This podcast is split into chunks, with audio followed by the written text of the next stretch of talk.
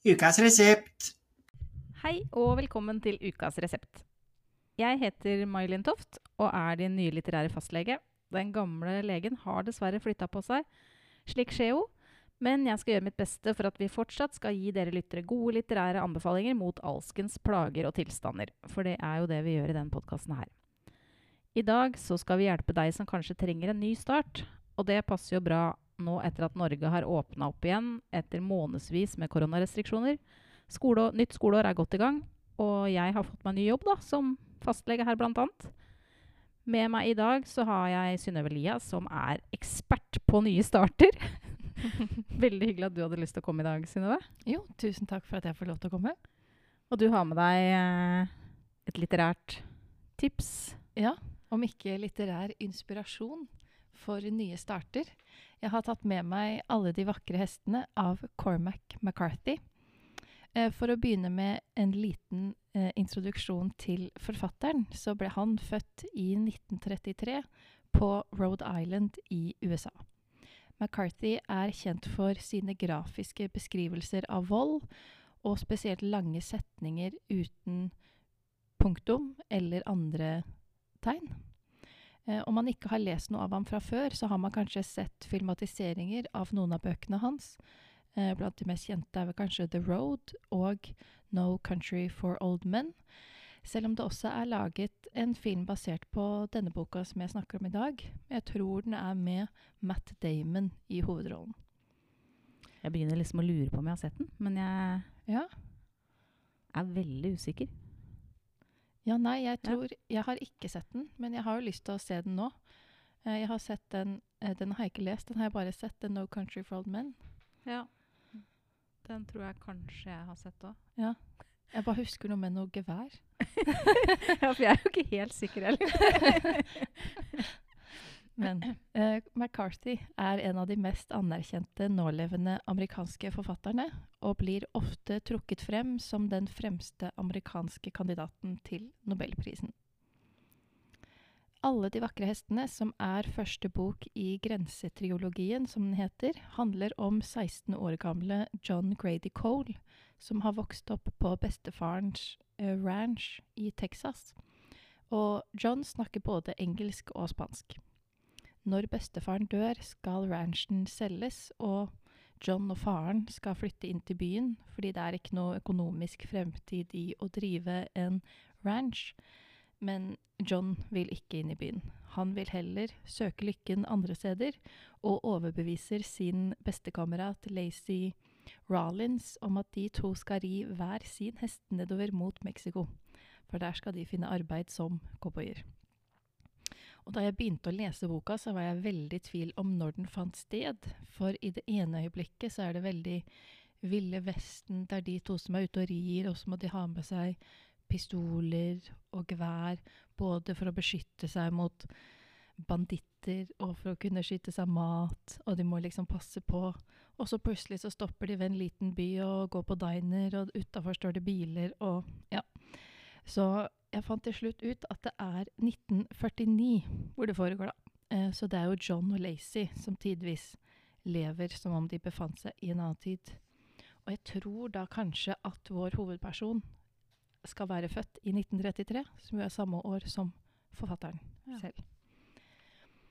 Boken er delt inn i fire deler, som hver tar for seg en epoke av deres eventyr i Mexico. Og jeg kan jo avsløre med en gang at eh, noen av epokene er mer blodige enn andre.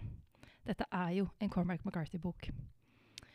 Både selvforskyldt og uforskyldt havner de i trøbbel både med meksikansk politi og andre.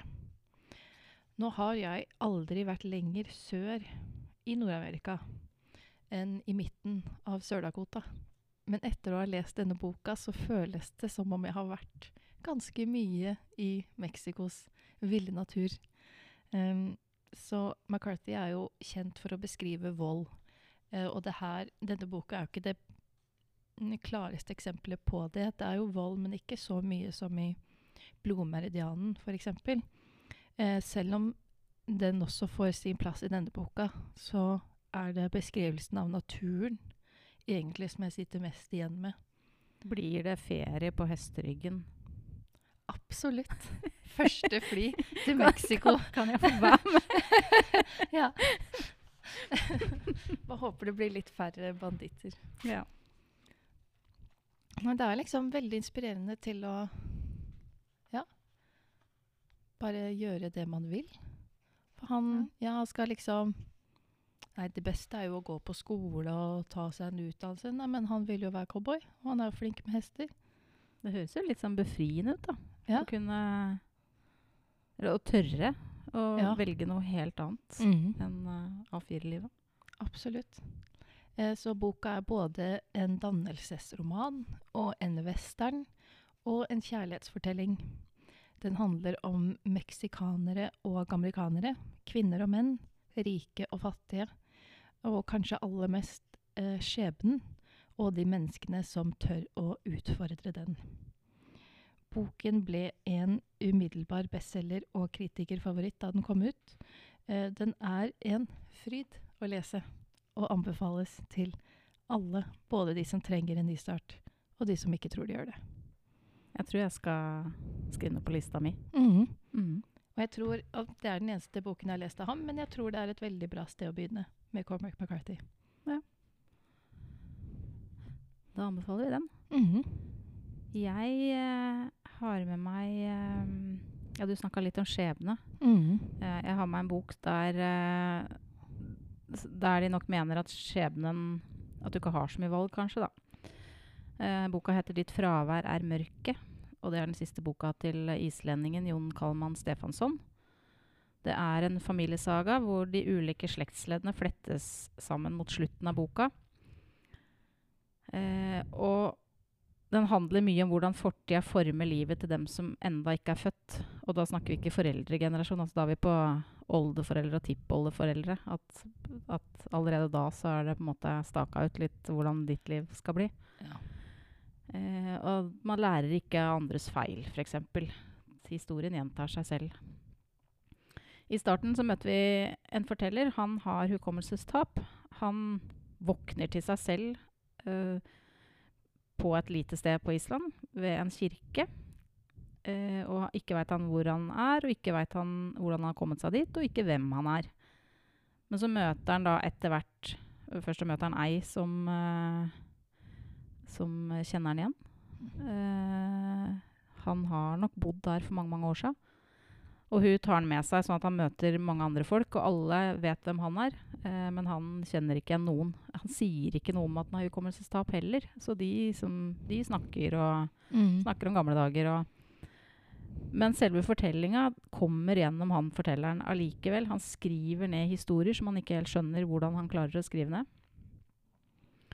Og da får vi da høre historiene til alle de han møter, eh, og forfedrene deres. Og det er fortellinger om stor og ulykkelig kjærlighet. Så stor at til og med døden i en begravelse ber om tilgivelse da den forstår hva den har gjort. Det er fortellinger om en mor som må gi fra seg et barn. Det er en ulykkelig rockemusiker. Familiekjærlighet. Det er glede. Det er savn. Og det er som de bøkene av Stefansson som jeg har lest før, så er det liksom vanskelig å oppsummere. fordi det er ikke en sånn derre standardhistorie hvor du følger et menneske en hvit tidsperiode, og så er det ferdig, liksom. Her er det liksom litt av den historien er litt av den historien, og så er det litt av en annen historie, og så er det litt fra nåtida, og så til slutt så skjønner du på en måte en helhet. Uten at du egentlig helt Du skjønner den helt til slutt, på en måte. Mhm. Eh, men den handler jo om alt som har med livet å gjøre, egentlig, og døden. Stefansson er en av mine yndlingsforfattere. Jeg syns han skriver veldig poetisk og fint. Eh, og så hver gang jeg leser en av bøkene hans, så tenker jeg at oh, nå burde jeg sittet og notert fine setninger og ja, nest, altså, Det er nesten sånn sitater, liksom. Mm. Uh, uten at det er klisjéprega. Og så gjør jeg det ikke, da. Og så angrer jeg. Og sånn var det nå òg. Og så han, er det veldig med henvisninger til kjente forfattere. Det tenkte jeg òg at åh, jeg burde For jeg fikk jo lyst til å lese alt som han uh, viste til. Mm. Men jeg noterte jo ikke det heller. og så er det Musikk spiller en veldig viktig rolle i historien. Blant annet så er det ja, fellesskapet som en far og en sønn har, en av hovedpersonene. eller to hovedpersoner, har, så er det musikken. Uh, og da har han laget en spilleliste i slutten av boka. Den uh, kalles Dødens spilleliste. Ikke veldig oppløftende, kanskje. Men de skal ha en sånn hele Altså nåtidshistorien spiller opp mot at det skal være en fest, og der skal de feire de kjente som er døde, og Elvis. Eh, og da er det liksom musikken som skal være på denne festen. Eh, og der er det mye gammelt og noe nytt og mye kjent. Og i hvert fall for meg en del ukjent, bl.a. noe islandsk rock og noe greier. Um, jeg tenkte at jeg skal lage den spillelista på Spotify, men den var der fra før. For den var det mange andre som hadde lagra, så det trenger man ikke. Så Døden spilles det på Spotify. Og så savna jeg litteraturliste. Jeg kunne tenkt meg at det var en litteraturliste bakerst òg. Mm. Um, så da har vi to litt forskjellige anbefalinger. Uh, 'Alle de vakre hestene' av Cormac McCarthy. Og 'Ditt fravær er mørket' av Jon Kalman Stefansson. Tusen takk for at du ville komme, Synnøve. Tusen takk for meg. Og tusen takk for at dere ville høre på. Ha det bra.